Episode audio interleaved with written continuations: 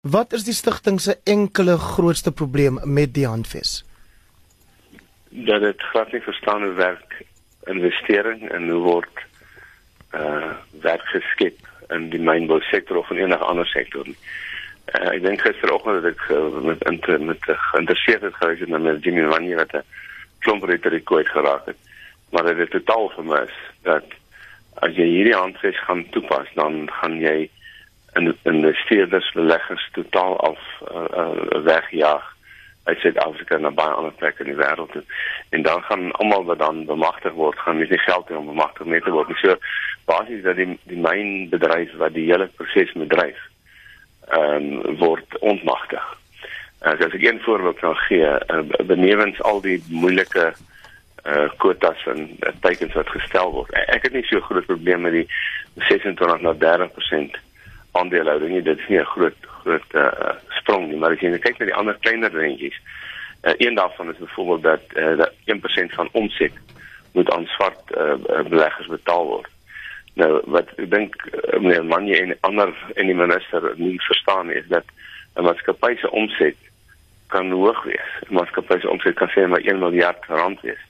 Maar sy winsmarge is net maar 4%, 4 of 5%. Dit beteken sy sy wins op die omset nadat ek hom goed af af afbetaal is en en weet koste afgetrek is kan minder as 50 miljoen wees. 10 miljoen daarvan moet uitbetaal word aan swart aandeelhouers nie aan aandeelhouers nie algemeen maar aan, aan net aan swart aandeelhouers maar sien maar die maatskappy gaan soos dat baie maatskappye op die oomblik gaan deur 'n moeilike tyd en hulle maak 'n verlies. Dan moet hulle nog steeds 10 miljoen uitbetaal dit maak nie ekonomiese sin en dit gaan beleggers afskrik dit gaan net nog 'n verdere hekkie plaas in die pad van beleggers en sê maar wil ons wil ons in hierdie bedryf belê en hulle gaan onttrek Hoe help mense beleggers om die noodsaaklikheid van ekonomiese hervorming in 'n land soos Suid-Afrika te verstaan en te omhels? Ek dink nie net hoef nie. Ek dink die beleggers wat hier is, doen dit reeds onder baie moeilike omstandighede. Weet op die oomblik moet alle mynmaatskappye alles as enige plek in die wêreld of die meeste plekke in die wêreld moet in elk geval reeds bydraes maak tot sosiale verantwoordelikheid in die omgewing. Hulle moet reeds bydra maak tot die die sogenaamde skill development lewe die vaardigheidsontwikkelings uh heffing uh, van van 3% dit is opgeskuif na na na 5% toe. Ehm um, ek dink nie dis dis nodig om beleggers te laat verstaan uh wat wat sien noodsaaklik is nie. Hulle doen dit reeds en hulle is besig om hulle is hier. Maar hierdie is my mening gaan gaan 'n bietjie te ver. Uh, so dis nie nodig om hulle te weer verduidelik nie. Hulle doen dit reeds. Die punt is ek sit met X miljoen rand, ek is 'n belegger. Wat wil ek daarmee doen? Ek wil dit nie net uitdeel nie. Ek sal 'n regverdige deel gee vir 'n gemeenskap as dit goed bespandeer word, maar ek wil 'n rendement op my belegging hê. En as ek nie 'n rendement op my belegging kry nie, of as die regering luk raak sê jou jou jou rendement is 4%, ons vat 1% voor enigiets anders.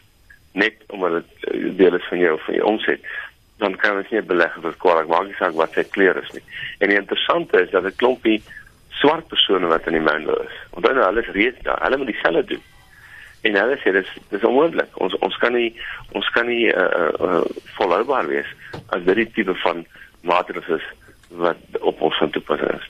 Teens erken die De Klerk Stichting dat baie van die maatreëls, hoe ongewild ook al wat tans ingestel word om ekonomiese gelykheid te verseker, is die resultaat van die onvermoë of die onwilligheid dalk in die verlede toe meneer De Klerk self aan bewind was om van hierdie stappe te neem.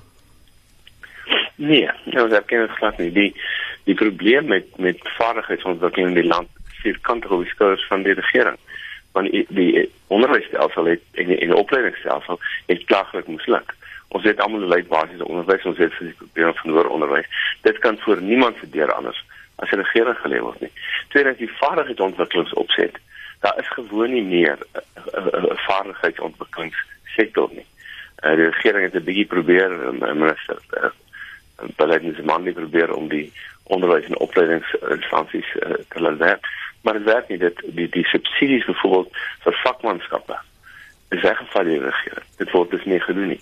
So nee ek bevrees aan die regering kan nie op wat monopolie kapitaal sit of of of dit verleer nie. Hier is iets wat nie afgelope 20 jaar verkeerd gegaan het. En om nou te sê ons ons gaan bloed uit 'n klip uittap ek het bevrees gaan die ekonomie uiteindelik die mense wat werk moet hê, die mense wat werk soek, die mense wat wat wat 'n inkomste moet verdien, die meeste raak eerder as uh, as ander mense in land wat, wat middelklas so welgesteld is. So jy sê die uitdagings waarmee ons vandag te maak het is die afgelope 20 jaar se gemors en het niks met voor 94 te maak nie. Ek dink dat mens moet erken dat uh, ruimtelike ontwikkeling, soos byvoorbeeld waar mense bly, waar mense gebore word, het nog steeds te doen met apartheidse patrone.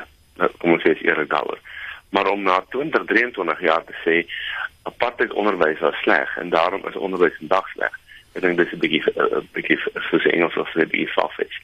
Want as jy regering baie tyd gehad om aan hierdie goed aandag te gee en hulle doen dit gewoon nie. Ek ons ons weet almal wat se hoe lyk ons vergelyking in die, in in, in die wêreld met wiskunde, wetenskap met uh, met uh, natuurwetenskap met selfs wat iets soos uh, soos rekenkunde.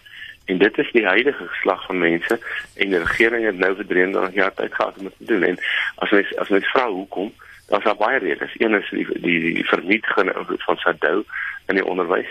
Die tweede is dat dit gewoon dit het dit het uh, kommissies wat die wat die departement van onderwys self aangestel het gesê dit gaan oor kaderontplooiing dit gaan oor uh, oor uh, gelyke indiensneming wat verkeerd toegepas word so ons het nie die kapasiteit in die staatsdiens om die staatsdiens uh, te, te te bestuur nie. En dit geld ook van die on, van die onderwysdepartement. Ek sê daai goed uiteindelik maak dit as die hierdie minister uh, Zwane sê dan moet uh, 80% van middelvlak bestuurders moet swart wees dan is dit 'n onmoontlike vraag want daar is nie genoeg opgeleide swart mense om die ekonomie te doen nie. Hoekom nie?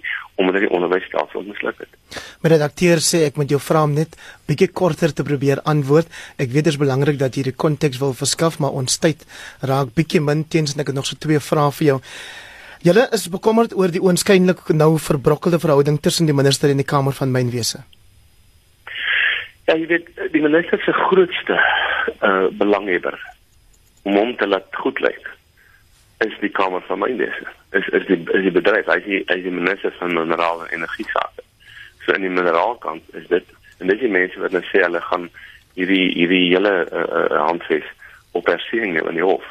Dit klink vir my goed nie. Dit klink nie of dit 'n gesonde verhouding is wat daar tussen die minister en die bedryf bestaan en dit maak ons bekommerd. Julle verklaring verwys ook na minister Zwane as ek haal aan hierdie Engels criminally liable and possibly dishonest. Wat is die die die die basis waarop julle hierdie beskuldiging ehm um, baseer? Wel, dit is basies die dit wat bekend is aan uh, van wat hy gedoen het toe hy minister van uh, landbou en die sien van landbou in die Vrystaat is en die in die melkplaas in die Gupta is die een ding. En die ander ding is gekom van die van die Gupta uh, leaks uh, en daarom sê ons possibly omdat uh, dit nog bewys word maar dit is duidelik dat meneer Zwane uh, is is, is waarskynlik een van die mense wat uh, deur die Guptas uh, gevang is. Uh, en en dit is 'n dit is 'n tamelike lang geskiedenis daarvan. Ek dink nie dit hoef my verder te betoog nie. Dit is dit is openbare dit is openbaar bekend Indien hierdie manifest 'n voorbeeld is van radikale ekonomiese transformasie, dan is ons as 'n land op die afdraande pad lei hulle verklaring, maar hoe gemaak om eienaarskap in die ekonomie wat die uiteindelike doel van radikale ekonomiese transformasie sou wees op 'n meer gelyke voet te kry? Langtyd, langtermyn begin met die onderwysstelsel, begin met die opleidingsstelsel, gee insentiewe, gaan voort soos wat nou voortgaan. Dis nie asof daar niks gebeur het nie. Uh, ek dink daar daar in die afgelope 20 jaar het daar 'n klompie goeie goed gebeur dat 'n middelklas ontwikkel. Daar's reeds 'n mynbou maatskappye wat deur swart mense besit word. Daar's daar's aandeelhouding van van bo tot 26%. Maar doen op 'n redelike manier en doen dit op 'n manier om nie die gaan vir die gou eers lê koelbloedig te slag nie. Baie dankie dit aan Dr Teens Elof, hy is die uitvoerende direkteur van die EW de Klerk Stichting en dit bring ons by 7:30.